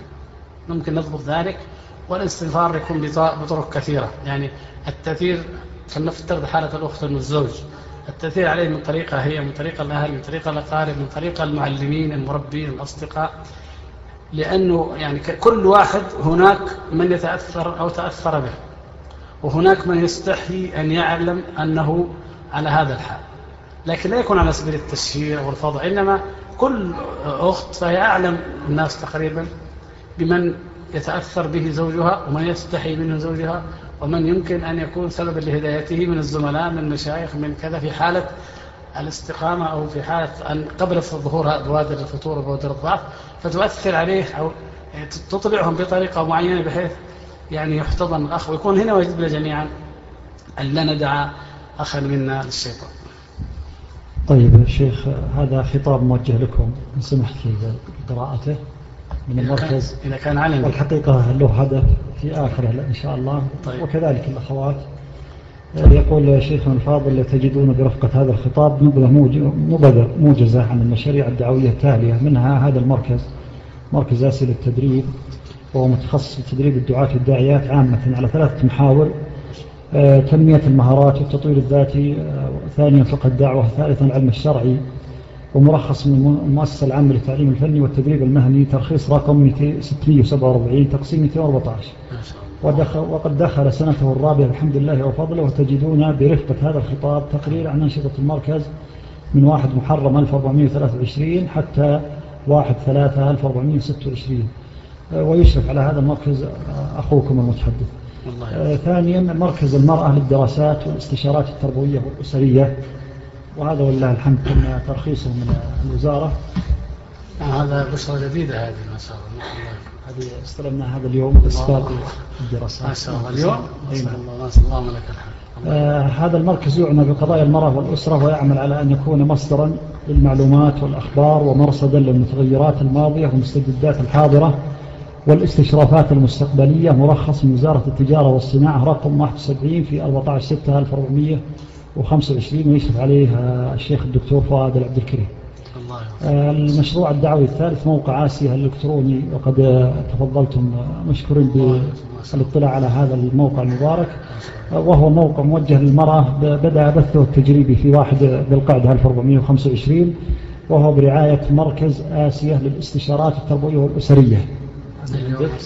باسم طبعا المركز يرعى هذا الموقع. وقد تم ترخيص وزارة التجارة والصناعة في برقم 81 في 28 11 1425 ويشرف على هذا الموقع الداعية المتميزة الأخت الكريمة اسمها بنت راشد الرويشد. في الختام نأمل من فضيلتكم دعم هذه المشاريع المباركة بالرأي والمشورة ومثل هذه الزيارات الطيبة. جزاكم الله خير. وأنا أخبر الأخوات أن الشيخ جزاه الله خيرا ضحى تضحية كبيرة جدا. في هذا اللقاء مع ظروفه الشديدة لكن رغبته جزاه الله خيرا في إفادة الأخوات ودعم الأخوات جعله يترك مشاغله ويتفرغ يعطينا هذه الفرصة الذهبية الطيبة المباركة. فجزاكم الله خيرا و شكر الله لكم وأثابكم الحقيقة يعني من الغرب يقولوا ثلاثة في واحد لأن الغرب لما يقول ثلاثة في واحد متأثرين بدينهم فأقوى شيء عندهم أنه يكون إحنا نقولها في الحق إنه ثلاثة في واحد يعني ما شاء الله. مركز وموقع ومركز الحمد لله في يعني جهد متميز ونسأل الله سبحانه وتعالى أن يبارك هذه الجهود وأن ينفع بها الموقع. أنا اطلعت عليه الهيئة اليوم والمركز ما شاء الله يعني الحمد لله يعني يعني الحمد لله موافقة وفعل حسن لي أنه في هذا اليوم يعني استلم الترخيص. أقول يعني بقي ما يتعلق بالتعاون أو, أو خدمتكم هذا واجب أراه واجبا علينا جميعا حقيقة. وأسأل الله سبحانه وتعالى أن يوفقنا ونحن مستعدون بما نستطيع بإذن الله عز وجل. يعني المشكلة اللقاءات فقط هي قضية الوقت يعني ليست قضية عدم الاهتمام لا والله. بل أنا قلت لكم في اللقاء الماضي وأنا أكرر هذه السنة إن شاء الله وأبشركم بهذا أنه يعني من دل على خير وعمل فهو كفاعله. أنه يعني ما عملتموه هنا نقل إلى المنطقة الغربية وبعض المناطق وسوف يكون على غراره إن شاء الله فائدة. وما أنا إلا رسول يعني أحمل هذه التجارب الخيرة والنيرة والنافعة منكم إلى إخوانكم وأخواتكم في المناطق الأخرى حتى لا تتكرر يعني الطريق إنما نأتي فنختصر ونبني على مثل هذا الجهد الناضج المتميز. وأي مجال آخر للتعاون العنوان الحمد لله معروف. ويعني واجب جدا أن نتعاون مع نوع من يعني التماس العذر منكم في مسألة ضيق الوقت وكثرة المشاغل في إن شاء الله. طيب. فجزاكم الله خير. وشكر الله لكم جميعا وهذه إن شاء الله أقراها على ما بإذن موقع متميز ما شاء الله تبارك الله والأسماء التي تكتب فيه من إخوة وأخوات. جديرة بأن تكتب وهي بعضها فعلا يكتب على مستوى عالمي. أنا النظرة المبدئية أول ما رأيته رأيت أن هذا الموقع يجب أن يكون على مستوى عالمي. ونتعاون إن شاء الله بسبيل ذلك. ومما يمكن أن يعني يقوم به مكتبي في هذا الشأن هو حقيقة يعني الترويج للموقع ودعمه في آه، الوفود التي تأتينا يوميا الحمد لله من العالم الإسلامي بما شرفنا الله تعالى به من الإقامة في مكة المشرفة. أن يكون يعني هذا الجهد الناضج وهذه الثمرة الطيبة على مستوى عالمي لأنه التواصل عن طريق الإنترنت كما تعلمون الآن مسألة عالمية فعلا والأمة الإسلامية في حاجة إلى هذه الخبرات وإلى هذه الطاقات. ويعني ما شاء الله كأنه مجلة يومية ما شاء الله تبارك الله ولكنها يعني ناضجة مقالات مؤصلة وكتاب وكاتبات على مستوى حقيقة يعني أسأل الله لي أنا قبل غيري أن يتاح لي الفرصة أني أقرأ وأطلع بقدر الإمكان لكي نستفيد من هذا وأوصي الإخوة جميعا بنشر هذا الخير وتعميمه وإن شاء الله أن يتاح لكم أيضا ترجمته إلى عدة لغات. والحقيقة لا مجاملة في هذا أبدا. أنا أقول الحقيقة أن الفكرة يعني متميزة جدا. وكما تلاحظون إذا كان مركز التدريب على ما فيه من خير طبعا وفضل وتميز أو ما نقوم به نحن من جهود هنا يعني, يعني هي تؤثر بالدرجة الأولى في, في من يحضر إلا أن الإنترنت تأثيرها ينبغي أن يكون المستهدف به هو الذي لا يستطيع أن يحضر ويشارك أو يرى الندوات والمحاضرات وما أشبه ذلك. فعن طريقها ممكن إن شاء الله نشر هذه الرسالة العالمية. وأشكر الإخوان جميعا والأخوات الحقيقة الفضلاء الذين أسسوا هذا أو قائمين عليه والفنيين والكتبة. نسأل الله سبحانه وتعالى أن يجعله قدوة في الخير على كل شيء قدير. هذا سؤال يقول مع الانفتاح آه، كثر نشر الشبه وبعض الداعيات تقف حائرة في بعض المحاضرات فلا تستطيع ردها. فما هو الحل؟ نعم هو, هو أصل هذا أصل حقيقة شبهات وشهوات وفتن. ومع الأسف يعني مع بالغ الأسف الشديد يقولوا أن المحاضر الذي يلقي محاضرة في مئات ولنقل في ألوف. يحتاج أن يرتب لها شهورا وأن تذهب ثم تقر ثم ترجع ثم يوافق عليها ثم يلقيها في المسجد ثم كذا.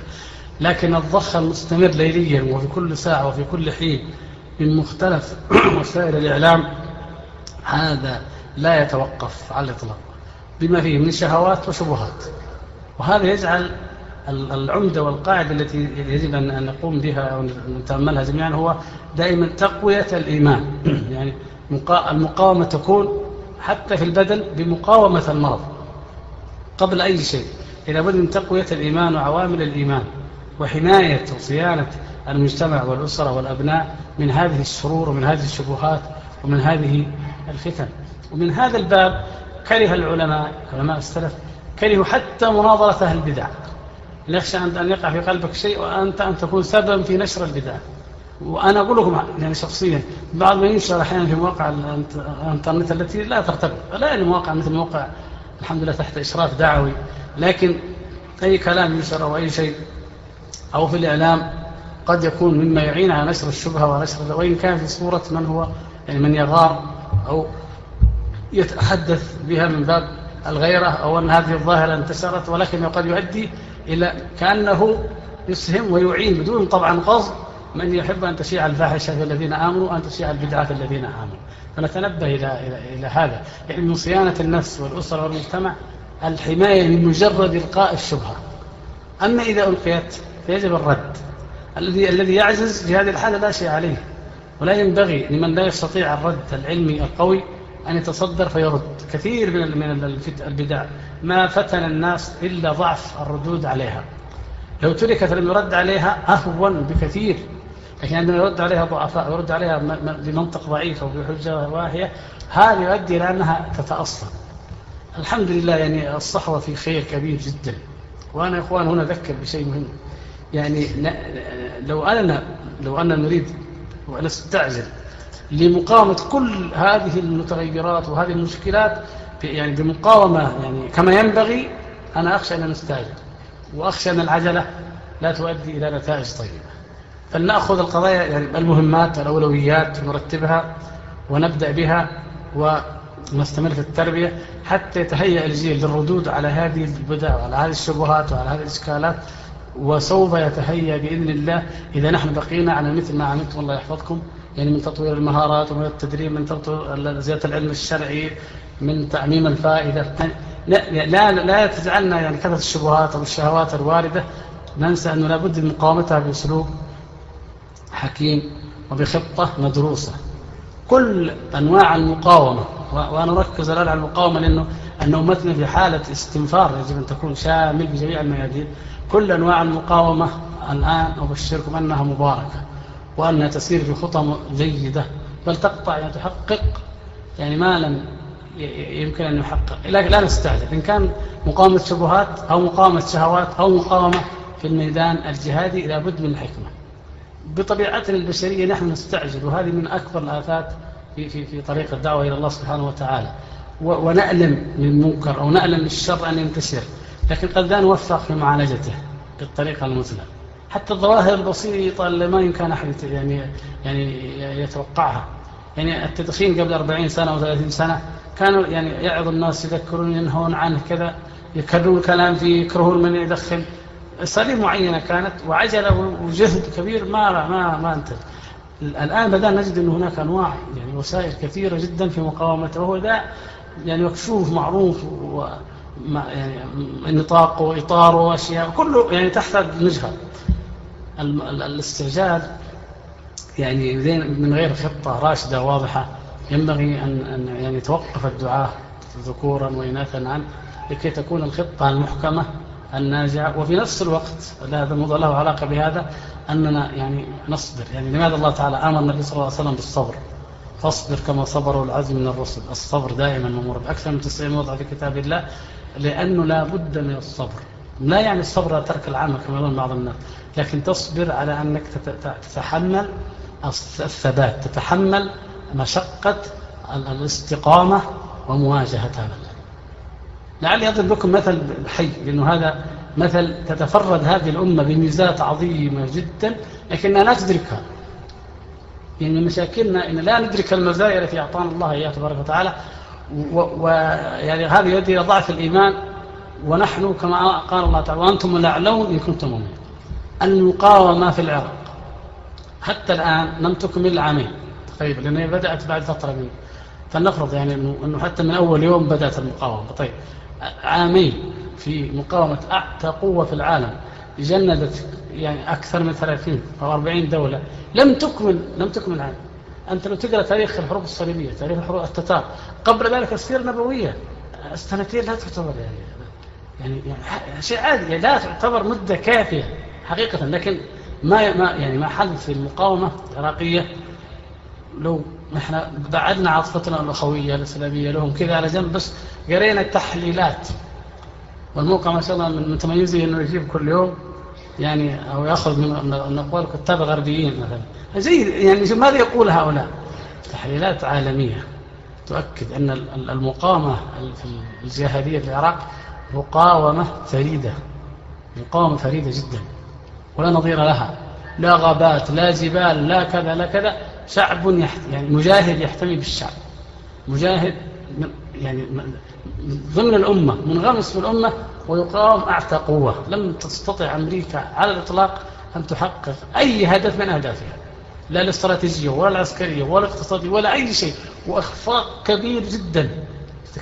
وأصبح الميدان يعني المسيطر اللي يفرض إرادته الآن هم المجاهدين. بل قال أحد المحللين الأمريكان أنا رأيتهم في الليل الأمر بيدهم وفي النهار دباباتنا تدور ولا ولا لكن في الليل كل الموضوع بيد الله. يعني يعني لاحظ يعني, يعني أنا أقول والله أعلم.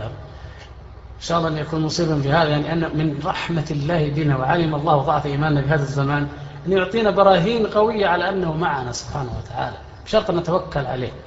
ولكن أيضا نقول نعمل بخطة. في مجال الشبهات والشهوات ومجال الجهاد بخطة محكمة. يعني شوف يعني لماذا مثلا على سبيل المثال في هذا المسألة وإن كان قريبا استطرادا لماذا نفرق نحن بين أن يذهب الشباب والصغار ومراهقين ومن لا يفقه ومن إلى هناك ونقول لا تروحوا وبين يجب أن ندعم المقاومة ولكن بكل أنواع الدعم. فرق بين هذا وهذا. هذا من الخطة ليس لأنه اعتراض. يقول لك والعياذ بالله أنه ما هي مقاومة وما فيها جهاد أو فيها يعني لا نقول إنه مجرد تخذيل أسوأ أنواع التخذيل.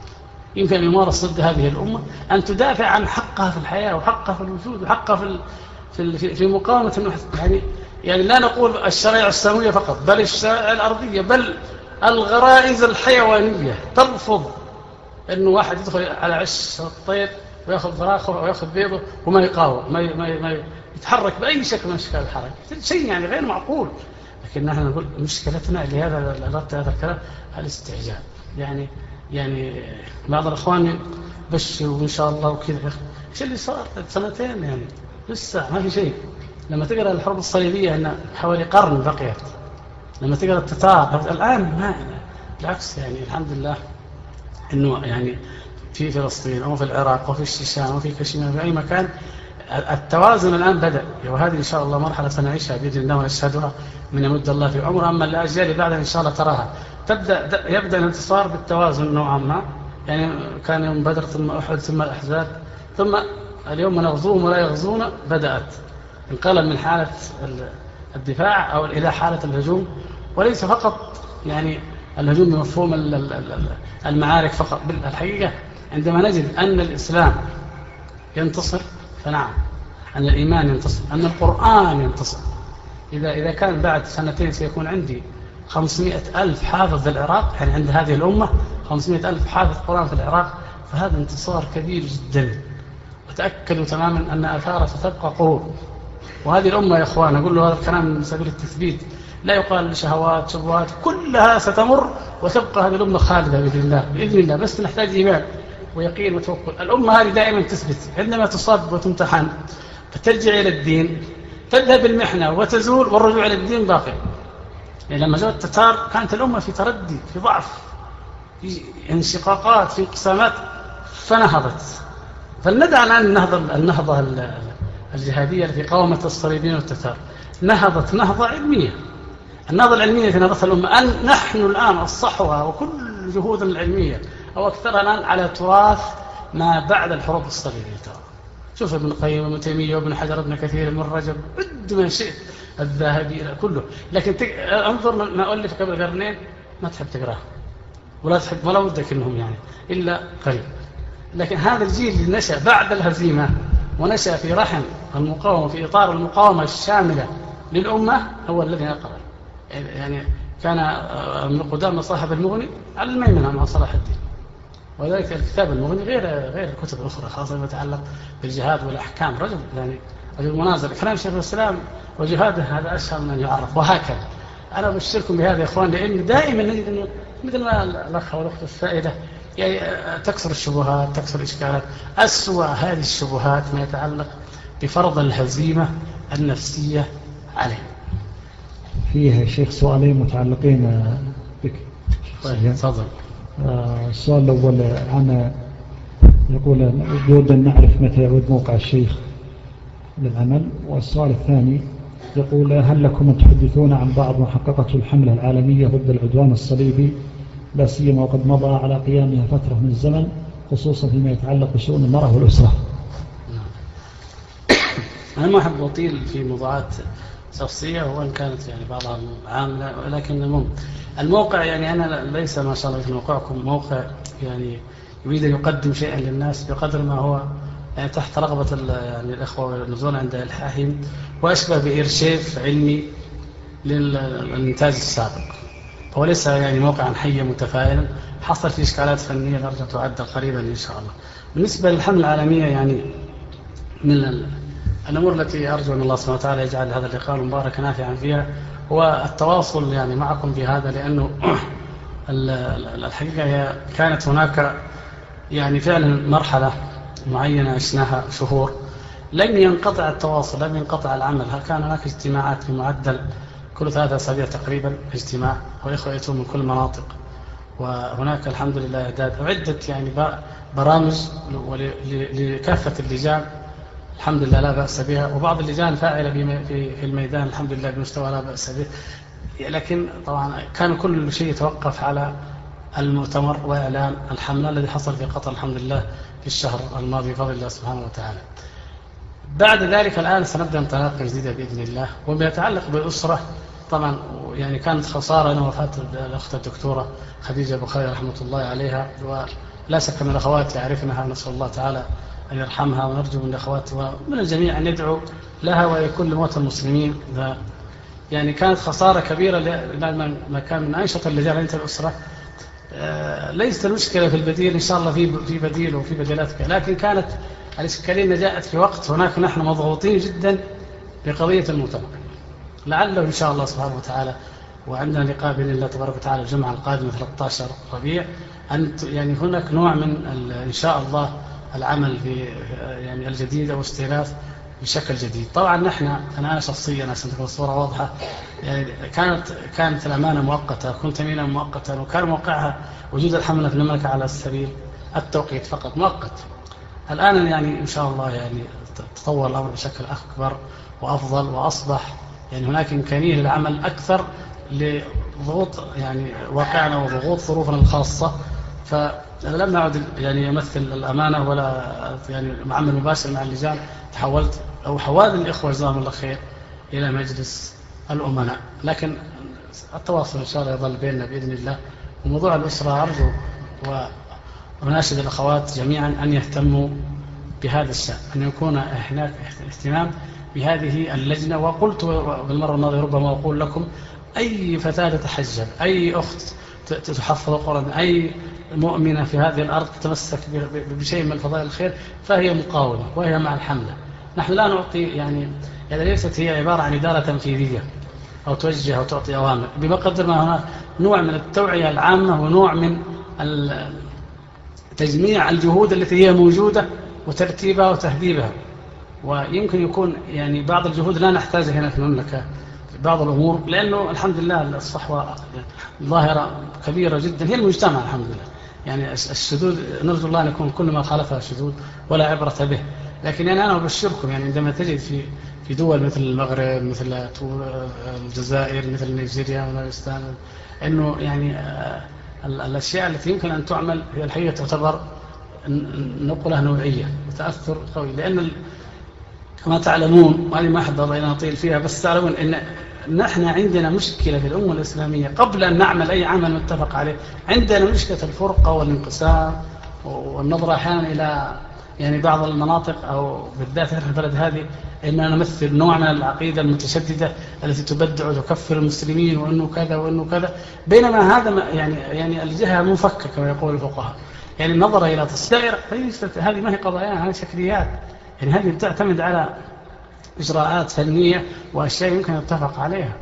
لكن فرضا يعني قالوا والله إحنا عندنا موضوع مثلا موضوع يتعلق بالمرأة. الأخوات رؤية وقد موضوع الشورى ومن هنا نحتاج في الظواهر الجديدة إلى قضية الشورى وتداول الرأي فيها فيما قد قررنا فيها الرأي ونحسن أن يعني نراعي كيف نطبقه. والله تعالى الموفق. هذا السؤال يا فضيلة الشيخ يقول من المتغيرات التي طرأت على مجتمعنا في السنوات الأخيرة الإنترنت والدش موقف الداعية منها هذه المتغيرات الخطيرة. هو إيش؟ يقول موقف الداعية من هذه هذين المتغيرين الخطيرين اللي هو الإنترنت والدش. الانترنت أهل الناس مصحح أول شيء. معلش يعني أنا أقول إذا قلنا الدش أو قلنا الإنترنت معنى ذلك نفتح يعني علينا إشكالية قد لا ننتبه لها. يعني بعض الإخوان أو أول ما ظهرت هذه الفتنة كانت الفتاوى تحريم الدش. وبعدين وجدت قنوات طيبة أو وسائل طيبة. فجاء بعض الأخوان يقول طيب يا شيخ هي طيبة لكنها عن طريق الدش. والله تعالى ولا رسول صلى الله عليه وسلم ما حرم الدش. يعني خلينا نتكلم عن إيش؟ عن القضية بذاتها لا فقط يعني عن مجرد ال... برضو نحتاج النكتة أحيانا عشان نصحى يعني يقول أن أحد ال... ال... أنا حدثني بأخ أن أحد المحتسبين آه، تخلف رجل على الصلاة فدق عليه الباب مو محتسب يعني قصدي في الهيئة لكن كانت كانوا يتفقدون يتخلف عن الصلاة. ويتفقدون وهذه هذه سنة جيدة كانت. فدخل فإذا بذاك تأخر نام من الفجر تأخر شوية وفاتح الرادي على القرآن. قال أوه يعني تأخرت على الصلاة. وتسمع القرآن من آلة الله بعد. فاعتبرها جريمتين. هذه قضية. يعني معنى إنه لا قضية ليس كشكة الآلة. ما في ما هي الانترنت آلة له ولا الدش آلة له ولا الراديو آلة التحريم. طبعا الآن أصبح وعي عام الحمد لله ولكن للتنبيه للقضايا الفقهية قد تفهم خطأ. وعي عام عند الأمة أنك تفرق بين الموقع والموقع. الموقع المتميز اللي رأيناه الليلة والله يشرح الصدر نسأل الله أن يوفقهم. ما هو مثل أستغفر الله ولا تقارن بأي موقع يعني أعوذ بالله. إما يعني انحراف منحرف في بدعة أو منحرف في علم أو في إباحة أو في فساد. لا ما في مقارنة أبدا. هذا تحث عليه وتشجعه وتدعم ما استطيع وذلك ترفضه. وفي الإنسان أن يتخير كما في إمكانه أن يدخل إلى المسجد وقد أذن المؤذن أو يذهب إلى أحد الأزقة والعياذ بالله يعني يضع يعني حبوب مخدرة ولا مش يعني هو الإنسان مكلف مبتلى يعني يعني يعني في هذه الدنيا ليطيع الله ويعصيه وإنا هديناه السبيل إما شاكرا وإما كفورا. ففي أي عمل ممكن يكون أنه شاكرا أو كفورا يستخدم هذا في الخير أو في الشر هذا لا يعني أنه الاحتياطات لا بالعكس. ومما يوجب علينا ذلك الحذر إذا كان هناك من لا يستخدم هذه ما يعني يعني من لا يستطيع أن يستخدمها إلا في الشر أو ممكن يقع في الشر أو لصغر السن أو لعدم التربية فلا بد أن تعمل الاحتياطات. إذا كان من الاحتياطات لا تكون عندك لا تدخلها فعلا. وأنا لست معنى يقول لك لازم إلا لا لا لا. واحد ما يبغى يا أخي الحمد لله ما, ما في حرج عليه في هذا أبدا. أو يعني يرى أنه يطلع من بيته أي شيء ضار ويتعوض بال يعني الآخر عن طريق يعني الشراء الشريط رص سواء كان محاضرة مسموعة ومرئية أو فائدة. ما ما ما إجباري ما, هو يجب. شفت كده لكن إذا كان واحد يقدر يعني يضع يضع في حدود الجائز أو ما يمكن أو الواجب أو الفائدة فالحمد لله. وهذا ممكن. والآن كل يوم الحمد لله يأتي تقوم الحكم ويزيد. استثناء خاف أبلش يصير الحين عند الحريم. واخي فشله إلى أشياء يمكن حتى بعض الدعاء قد يعني يتحفظ يتحوط في في في موضوعها لكن يعني هي نزلت يعني. بمعنى إنه لم يعد هناك حجة الواحد يقول لك والله عشان يتسلوا العيال ولا عشان كذا ولا في عندك مجالات يعني الحمد لله كثيرة ولم يجعل الله تعالى يعني دواء هذه الأمة ولا حتى متعتها ولا راحتها فيما حرم عليها. بالعكس ما حرم عليها شيء إلا وضرره واضح. وأباح لها من الحلال ما هو واسع جدا الحمد لله. فهي لا تخلق يعني بمعنى آخر أنها مثل المجلة ومثل الكتاب. قد اشترى الكتاب النافع قد اشترى الكتاب الضال. قد تشترى مجلة وجريدة النافع قد اشترى الضال. فهي من جملة الوسائل لكن كل وسيلة بحكم الفنية الخاصة بها لها طريقة في تضييق الشر أو إلغاءه. هذا سؤال فضيلة الشيخ يقول انطلاقا مبدأ حتمية التغيير على نطاق واسع أجد الكثير ينادي بقول عليكم أنفسكم. فأنا معلمة في مدرسة تموج بالأخطاء والمخالفات الشرعية وتضيع الأمانات والدائرة تتسع والسفينة تكاد تغرق. فهل أسكت وأردد عليكم أنفسكم؟ وعلينا أنفسنا يعني بمعنى أننا نقوم بواجب الدعوة إلى الله والاحتساب وإنكار المنكر. لا نفهم عليكم أنفسكم إلا تدعوا. وهذه معروفة وأنكرها الصحابة وضحوها من قبل. لكن نرجع إلى أنه يعني الأخت المعلمة هل أول يعني فعلا هذا المجال لا يمكن تعمل فيه؟ هذا سؤال وهي تجيب عليه ويمكن تكون تقول لا ممكن تعمل ولو على ضعف. أهم من هذا هل عملها الوحيد في التغيير هو, الم... هو هذه المدرسة مثلا الموبوءة فرضا أو الأسرة الموبوءة بعض الأسر موبوءة؟ يعني يا أخوان يمكن أنتم هنا يعني في, في بعض المناطق ما نشعر بهذا. يعني في دول أخرى أو في بعض المناطق تكون الأسرة كلها كلها منحلة. الأجداد والجدات والعمات كلهم يعني الشيش والتدخين وترك الصلاة وعادي عادي إلا فتاة واحدة في البيت هذا يعني. فالأسرة موضوعة الأسرة موضوعة كذا. ماذا نفعل؟ هل يعني ما في وسيلة بلى التواصل مع المجتمع مع الأخوات الفضليات في مجالات أخرى يجب أن يستمر سواء لإصلاح هذه الأسرة أو للمحافظة على رأس المال وهو الإيمان. يعني لا يمكن أن نقول والله ما دامت هذه المعلمة أو الأخ أيضا يعني يعني في مدرسة ما أستطيع أفعل شيء إذا أنا لا أعمل شيء. عليكم أنفسكم. لا نقول يجب أن نفكر. لماذا لا أستطيع أن أعمل؟ لماذا لا أستطيع أن أغير؟ نفكر. وقد يكون التغيير من الخارج. قد تنقل هذه الصورة المزرية أو الموبوءة إلى من يستطيع علاجها بطريقته. ونحن في هذا المجتمع بالذات الحمد لله أحيينا سنة الأمر المعروف والنهي عن المنكر والدعوة إلى الله ممكن نعالجها. طيب هذه مدرسة اسمها كذا. فيها مشكلات كذا كذا كذا فعلا. طيب ما دور إدارة التعليم؟ ما دور الوزارة؟ ما دور الهيئة؟ ما دور الدعوة في الحي؟ ما دور مندوبية الحي؟ ما دور ما دور ما دور. من أجل إيش؟ من أجل أن ننقذ هذه المدرسة. فتكون إنقاذها بواسطة إيش؟ ما تكتبه هذا الأخت أو توضحه أو تبلغ به من يهمه هذا.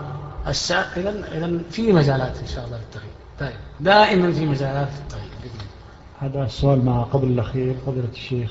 بس أنت ما قبل هذا دائما. يعني ما قبل ممكن يكون عشرة. طيب طيب. يقول آه، منذ زمن ونحن نتحدث عن النهضة النسائية وإلى اليوم لم نرى مناراتها مناراتها. هل هناك خلل يا ترى في طرائق التربية والتوجيه الحالية أم أن المسألة مسألة وقت؟ لا نرى مناراتها آه، واليوم لم نرى مناراتها أو مناراتها. هل هناك خلل يا ترى في طرائق التربية والتوجيه الحالية؟ أم أن المسألة مسألة وقت؟ لا هو إذا كان إذا كان السؤال ينطلق من رؤية أن كل ما نعمله فهو في دائرة التقصير وحاجة الأمة إلى أكثر منه فهذا صحيح. أما إن كان لا قدر الله في دائرة الإحباط وإنه ما في شيء فهذا غير صحيح. في شيء الحمد لله. فإذا خلينا إن شاء الله نفترض أنه المقصود هو الأول. يعني لابد أن ننظر إلى أعمالنا نظرة التقصير والنقص. ولذلك إحنا قلنا أنه ننصح كل واحد بالاشتغال بعيوبه. ومن ذلك أيضا أن لا يشتغل حتى بالدفاع عن نفسه. إذا كان هذا بيجعله يدافع وينسى الدعوة ويؤثر ذلك على ضعف إنتاجه ودعوته يعني أن اغتنام كل فرصة وكل وقت من أجل القيام بهذا الواجب بكل الوسائل بالعلاقة الطيبة بالكلمة الطيبة بالإحسان بالعروض بأي وسيلة. يعني حتى الذي لا يجد شيء العجوز المقعدة التي لا تجد مالا مثلا ولا وسيلة لنصرة الدين هذه عندنا لها باب ممتاز مرة مرة وهو إيش؟ الدعاء. إنما تنصرون وترزقون بضعفائكم. قول له يلا صلي وصومي وتعبدي وادعي كل يوم. وادعي الله اليوم لإخواننا في العراق. أدعي الله لكذا أدعي الله لإخواننا في فلسطين. أدعي الله لمشروعنا انه ينجح المركز هذا انه يستمر. لا نستهين بالدعاء. يعني كل طاقة ممكن نوظفها وكلنا سنظل في دائرة يعني النقص. ولذلك يعني هي ليست ليست يعني في حق النبي صلى الله عليه وسلم ولا الصحابة بالنقص اللي في حقنا. لكن حتى تتضح الصورة. يعني الله سبحانه وتعالى يريد أن بعضنا يبني على بعض يعني ما ما ما أثره على الآخر. النبي صلى الله عليه وسلم بلغ الدين وأدى الأمانة والرسالة. جو الصحابة قاتلوا المرتدين وفتحوا البلاد. جو التابعين وعلموا كثيرا من فتح بلاد فتح الصحابة. التابعين علموهم الدين. لاحظ كيف جهد يبنى على جهد؟ فالآن الحمد لله أنا اعتقد انه موجود الآن أساس كبير جدا. وقاعدة قوية متناقة إن شاء الله على مستوى نريد فضيلة الشيخ في ختام اللقاء كلمة آه، توجيهية إلى أخواتنا الكريمات. آه، الثبات على الحق وعدم التنازل مع ضغوط الواقع وكثرة الفتن والشبهات. جزاكم الله خيرا. نسأل الله سبحانه وتعالى يعني أن يبارك لنا ولكم وأنا هي يعني أشكر الأخوات الفاضلات. فوجئت أنا بحجم الحضور يعني ما شاء الله تبارك الله. نسأل الله أن نكون يعني عند حسن ظنهم وأن ينفعنا وإياكم بما نسمع وما نقول.